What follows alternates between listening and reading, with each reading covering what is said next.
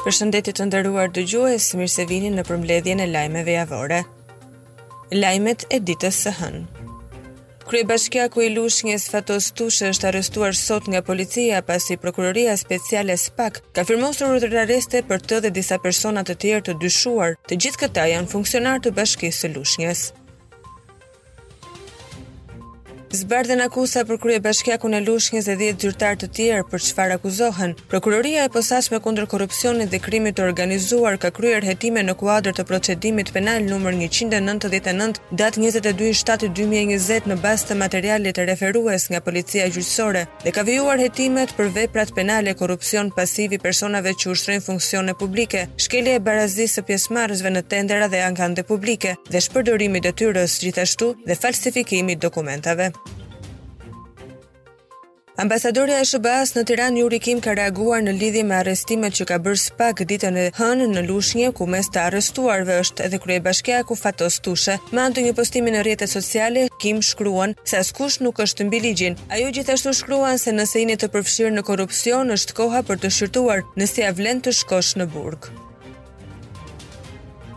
Kreu i Partisë Demokratike Lulzim Basha shkruan për arrestimin e kryebashkiakut të Lushnjes Fatos Tushe. Ky i fundit u arrestua nga policia pasi spak lëshoi urdhër arreste për të dhe 10 persona të tjerë nën akuzën e shpërdorimit të detyrës, korrupsionit dhe falsifikimit të dokumenteve. Sipas Bashës, ky mund të jetë fillim i mbarë, por kjo do të varet nga aftësia dhe pavarësia e drejtësisë për të goditur lidhjet e pushtetit me krimin. Kryeministri Edi Rama ishte i pranishëm mesditën e sotme në stacionin e gazsjellësit Transadriatik. Ai ka deklaruar se ky është një investim i ri strategjik i cili hap rrugën e zhvillimit të infrastrukturës kombëtare të gazit në rajonin jugor, ndërkohë që po vijon puna për projektin e detajuar për tubacionin Fier Vlorë, i cili do të lidhë gazsjellësin me Tecin.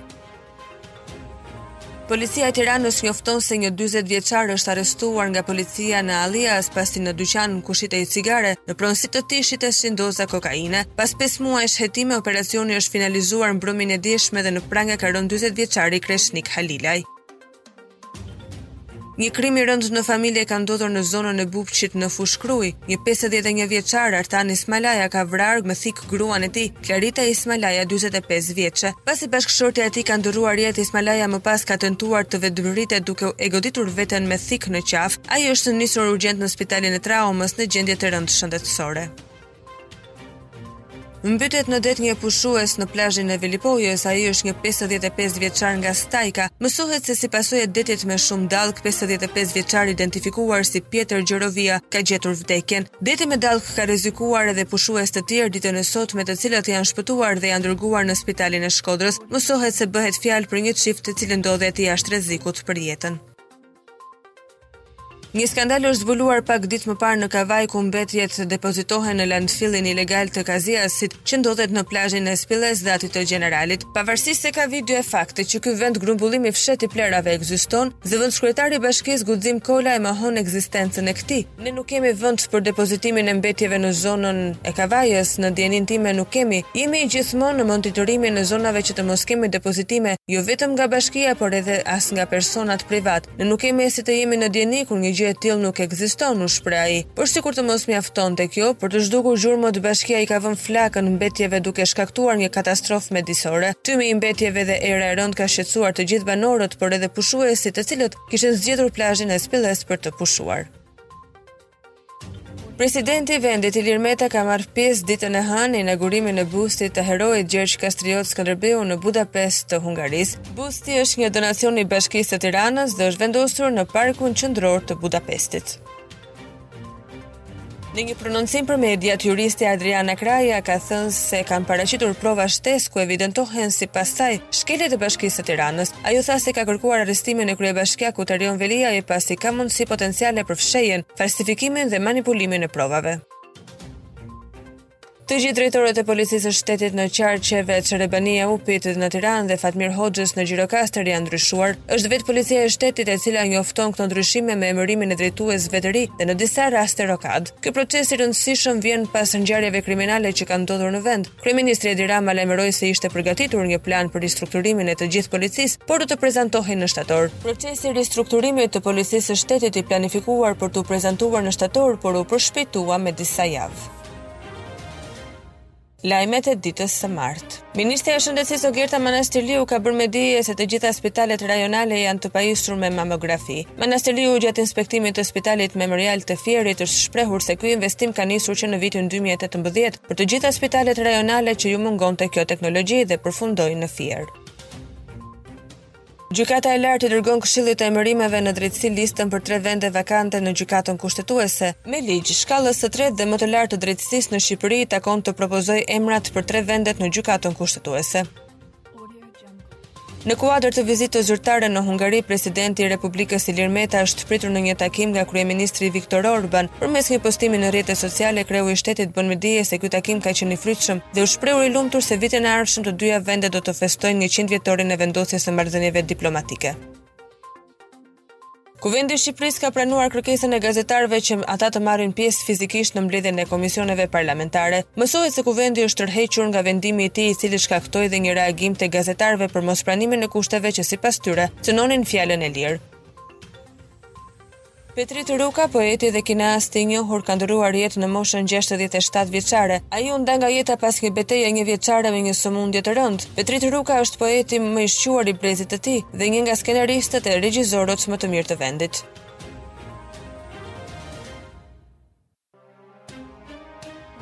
Lajmet e ditës së mërkurë. Albana Vokshi në emër të Partisë Demokratike ka denoncuar emërimin e Armela Krasniqit në krye të AMA. Vokshi ndër të tjera ka thënë se me këtë vendim qeveria injoroi Bashkimin Evropian dhe OSBE-n për pushtetin personal. Mjekët e spitalit të traumës kanë dalë në protestë ku kanë kërkuar që të mos trajtohen si kriminelë, pasi sipas tyre, arrestimi i kolegëve Serdi Memini dhe Ervin Sulaj nuk zgjidh problemin e korrupsionit. Mjekët nuk kanë rrezikshmëri të lartë në shoqëri, nuk manipulojnë provat apo të largohen në rast se ata të humbisnin gjithçka. Ndalime apo arrestime për show mediatik pa asnjë provë janë abuzive. Pas këtij organizimi do të mblidhemi dhe do të shqyrtojmë se çfarë do të bëjmë. Do e përshkallëzojmë apo jo, thanë mjekët në deklaratë. Një ngjarje e rëndë ka ndodhur mbrëmjen e së martës në gjashtë korrik në qytetin e Durrësit ku një 24 vjeçare ka ndërruar jetë pasi dyshohet se është hedhur nga balkoni i banesës. Blutë bëjnë me dije se 24 vjeçarja Anisa Gjini dyshohet se është vetëhedhur nga balkoni i banesës pas një konflikti për motive të dobëta me bashkëshortin e saj. Policia ka bërë të mundur arrestimin e bashkëshortit shtetasit Alfred Gjini, 31 vjeç, për sqarimin e plotë të ngjarjes. Ministrja e Drejtësisë Etilda Gjonaj në një tryezë të përbashkët me krerët e drejtësisë ka deklaruar se nuk kemi vetëm njerëz të rinj, por dhe një sistem drejtësie të ndryshuar tërësisht. Ambasadorja e SHBA-s në Tiranë Yuri Kim në fjalën e saj në eventin Forcimi i drejtësisë penale është shprehur se operacionet e javëve të fundit të institucioneve të reja të drejtësisë kanë filluar të krijojnë besimin tek publiku.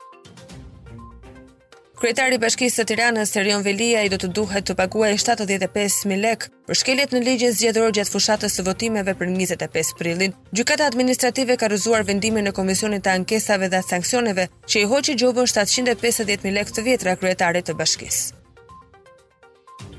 Lajmet e ditës së enjte. Në takimin me përfaqësues të policisë, kryeministri Edi Rama ka kritikuar ashpër disa sektorë në polici. Rama tha se është krikthyer korrupsioni tek policia rrugore dhe i ka bërë thirrje SHÇBA-së që të reagojë. Ai gjithashtu paralajmëroi lëvizje në të gjithë piramidën e policisë së shtetit duke nënvizuar se forcat shqiponja jo në pak raste kanë kapërcyer rolin e tyre. Menjëherë pas deklaratave të kryeministrit Edi Rama me krerët e policisë ka ardhur reagimi i Partisë Demokratike. Enkelejd Alibeaj ka thënë ndër të tjera se ndryshimet në polici janë riformimi i klanit të Ardi Veliut. Policia do t'u kthehet qytetarëve kur të ndëshkohen lidhjet e politikës me krimin. Pas mbledhjes së drejtuesve të rinj të policisë me ministrin e Brendshëm Bledi Çuçi, policia ka zbritur në terren për të goditur aktivitetin e paligjshëm të lojërave të fatit. Operacioni policor i koduar gjysmëfinale është zhvilluar në 12 qarqe të vendit me 1100 punonjës policie dhe janë arrestuar 35 persona ndërsa janë vënë nën hetim 18 të tjerë.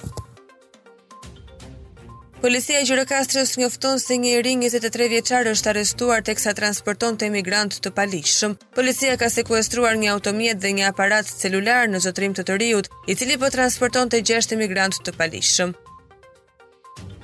Ministrja e Infrastrukturës Belinda Balluku nëpërmjet një postimi shkruan se Shqipëria është një hap më pranë për të përmbushur aspiratat e qeverisë shqiptare për ndërtimin e hecit të Skavicës. Dje është firmosur kontrata mes qeverisë shqiptare dhe korporatës amerikane Bechtel për ndërtimin e hidrocentralit të Skavicës.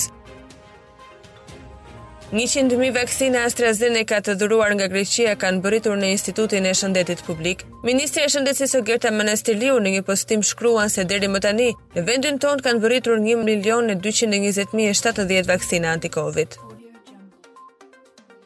Lajmet e ditës së premte. Një tjetër paralajmërim për kryebashkiakët ka dhënë kryeministri Edi Rama. Ai tha se kryebashkiakët mos përzihen me probleme të prokurimit publik, sepse do ta pësojnë. Kryeministri Edi Rama ka deklaruar se Fatos Tushe, kryebashkiaku i Lushnjes i arrestuar nga SPAK, do të përjashtohet nga Partia Socialiste dhe përpara drejtësisë do të dalë vetëm. Përballë kryebashkiakëve që Rama i mblodhi në kryeministri, ai tha se partia nuk do të jetë avokate për askënd. Kryetari i Partisë Demokratike Lulzim Basha ka reaguar pas përjashtimit të Fatos Tushes nga Partia Socialiste. Basha shprehet se Rama mund të lajë duart me një kryebashkiak apo të bëjë koka turku, por shqiptarët e dinë mirë se peshku qelbet nga koka. Në ditën e dytë radhazi të protestës, Gentian Stroni ka folur në emër të mjekëve duke nënvizuar edhe një herë sipas tij mënyrën abuzive se si janë lënë në burg dy mjekët pasi dyshohet se kanë marrë ryshfet. Stroni është shprehur se asnjë prej kritereve që një i akuzuar të mbetet në burg nuk plotësohet, por këto vendime merren sepse drejtësia është nën presion. Ministrja e Shëndetësisë Ogerta Manastirliu bën me dije se kemi sinjale që varianti Delta COVID-19 do të ketë mbërritur në Shqipëri. Ministri i Brendshëm Bledi Çuçi priti në një takim zyrtar në Shqipëri ministren e Brendshme të Britanisë së Madhe Priti Patel. Dy homologët kanë firmosur marrëveshjen e ripranimit të propozuar nga qeveria britanike pas daljes së saj nga Bashkimi Evropian. Qëllimi janë procedurat e ripranimit dhe tranzitit në rastet e dëbimit të personave, hyrja ose qëndrimi i të cilëve është i paligjshëm në territoret e shteteve të tyre. Pas paralajmërimit që kryeministri Edi Rama i bën policisë së shtetit një ditë më parë, kryepolici Ardi Veliu ka thirrur në mbledhje zëvendësdrejtorët dhe shefat e komisariateve dhe ka shkarkuar nga detyra shefin e komisariatit të Sarandës Syrio Bello dhe në vend të tij është emëruar Klodian Kondi. Policia rrugore e Tiranës godet një tjetër rast të mitëdhënies, vihet në pranga një 21 vjeçar pasi tentoi të korruptojë punonjësit e policisë rrugore për të shmangur masën administrative. Gjatë këtij viti Policia rrugore e Tiranës ka goditur 10 raste të mitëdhënies. Lajmet e ditës shtunë.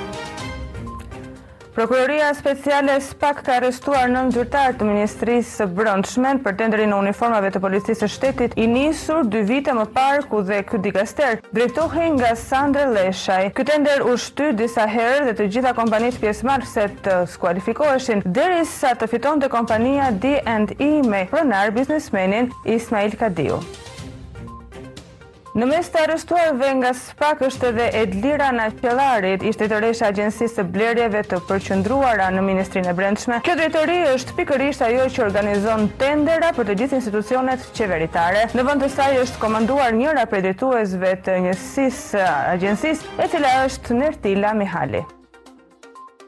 Duke reaguar për arrestimet në Ministrinë e Brendshme, Partia Demokratike nëpërmjet Enkelejd Alibeajt ka deklaruar se goditja e aferës nuk mund të konsiderohet e plotë nëse drejtësia nuk troket tek Rama, Lleshaj dhe Ndreca. Alibeaj ka shtuar se sot edhe një herë koha i dha të drejtë Partisë Demokratike në betejën në mbrojtjen e interesit publik. Edhe ambasadorja e Shteteve të Bashkuara, Yuri Kim, ka reaguar në lidhje me arrestimet që u bënë ditën e sotme në Ministrinë e Brendshme, ku arrestuan nëntë zyrtarë pasi akuzohen të kenë ndikuar në mënyrën e paligjshme për tenderin e uniformave të policisë. Kryetari i Partisë Demokratike Lulzim Basha reagon për takimin e djeshëm të kryeministrit Edi Rama me kryebashkiakët e vendit. Sipas Bashës, regjimi i Ramës është i korruptuar deri në palcë. Shqiptarët e dinë mirë, që Rama në qeveri është më i dëmshëm se Ramët e emëruar prej tij në bashkitë e vendit. Ai tha se dy gjëra janë të qarta, së pari që ky regjim është i korruptuar deri në palcë dhe së dyti, se peshku qelbet nga koka. Në Përmet ministrja e Bujqësisë dhe Zhvillimit Rural Milva Ekonomi mori pjesë në takimin e organizuar në kuadër të përfundimit të projektit Menaxhimi efektiv i burimeve natyrore mbështetëse të ekonomisë së gjelbër për një zhvillim të qëndrueshëm në Shqipëri. Në aktivitetin e organizuar nga FAO ishin të pranishëm Koordinatorja e Përhershme për Shqipërinë dhe Përfaqësuesi i FAO për Shqipërinë, Arben Kipi.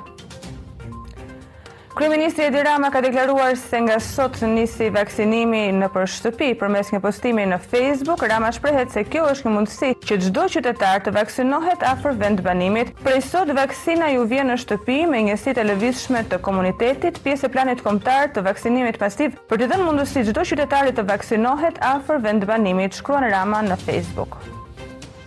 Ministrja e Shëndetësisë dhe Mbrojtjes Sociale Ogerta Manastirliu nëpërmjet një postimi në Facebook ka bërë të ditur se prej ditës së sotme ka nisur procesi i vaksinimit anti-Covid me njësi të lëvizshme. Vaksinimi në komunitet filloi sot nga Paskuqani në periferi të Tiranës dhe do të shtrihet në të gjithë vendin. Lajmet e ditës së diel. Një aksion blic është ndërmarrë nga policia në ambientet e paraburgimit të Vlorës me 100 efektivë që kanë mbërritur nga Tirana. Mësohet se efektivët e policisë të mbërritur nga Tirana kanë kryer kontrolle në ambientet e paraburgimit për të parë nëse ka sende të paligjshme. Kontrolli në ambientet e qelive ka zgjatur rreth një orë, ndërsa nuk dihet ende se nëse janë gjetur apo jo sende të ndaluara. Dy shoqëruesit e ish-ministrit të Brendshëm Saimir Tahiri ndaj të cilëve SPAK ka ngritur akuzën e kultivimit dhe shitjes së lëndëve narkotike në kuadër të grupit të strukturuar kriminal janë shpallur në kërkim ndërkombëtar. Burime nga SPAK bëjnë me dije se prokuroria e posaçme kundër korrupsionit dhe krimit të organizuar i ka dorëzuar Interpolit dy mandatet e arrestit për Augustin Dedën dhe Hekuran Markun, Për ish dy shoqëruesit të ministrit Tahiri, të cilët tashmë në sajë të operacionit Shpirti, u zbuluan për kultivimin dhe trafikimin e tonelatave drogë nga Shqipëria drejt Italisë.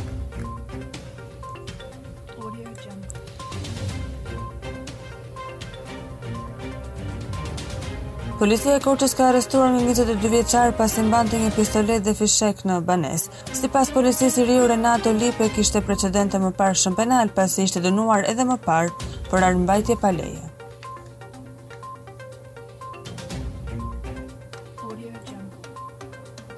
Një aksident i rëndë ka ndodhur paraditen e të dielës në aksin rrugor Laç, ku një mjet është çarë në dysh nga trafikndarësja. Mësohet se ai udhëtonte i vetëm në momentin kur ka humbur drejtimin e mjetit dhe është përplasur me trafikndarësin. Ka qenë një kalimtar i rastit i cili ka dhënë ndihmën e parë drejtuesit të mjetit, identiteti i të cilit nuk dihet ende edhe pas mbërritjes së ambulancës, është bërë transportimi i tij drejt spitalit të Tiranës.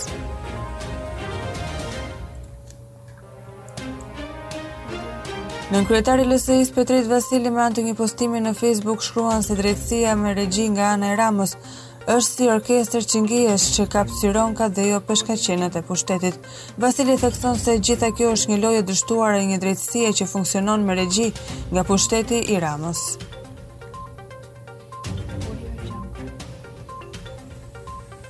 Sandër Lleshaj mbante detyrën e ministrit të brendshëm kur u nënshkrua tenderi për blerjen e uniformave të policisë së shtetit me vlerë 2.8 miliard lekë. Spak firmosi të shtunën urdhërarrestin për nëntë zyrtarë dhe ish zyrtarë të Ministrisë së Brendshme nën akuzë për shkelje në barazi dhe pjesëmarrje në tendera. Ish-ministri Sandër Lleshaj ka folur për herë të parë për këtë çështje ku ka përshëndetur spak për hetimet e kryera. Duke qenë se bëhet fjalë për një procedurë hetimi në zhvillim, mendoj se kontributi më i mirë i secilit nga ne është lënia e qetë e spak në kryerjen e detyrës së saj. Unë kam kërkuar publikisht që në shtator të vitit të kaluar që kjo çështje të hetohet. Fakti që kjo gjë po ndodh është për t'u përshëndetur, ndërsa tentativat për të bërë politikë me këtë rast janë refuzuar, tha Sandër Lleshaj.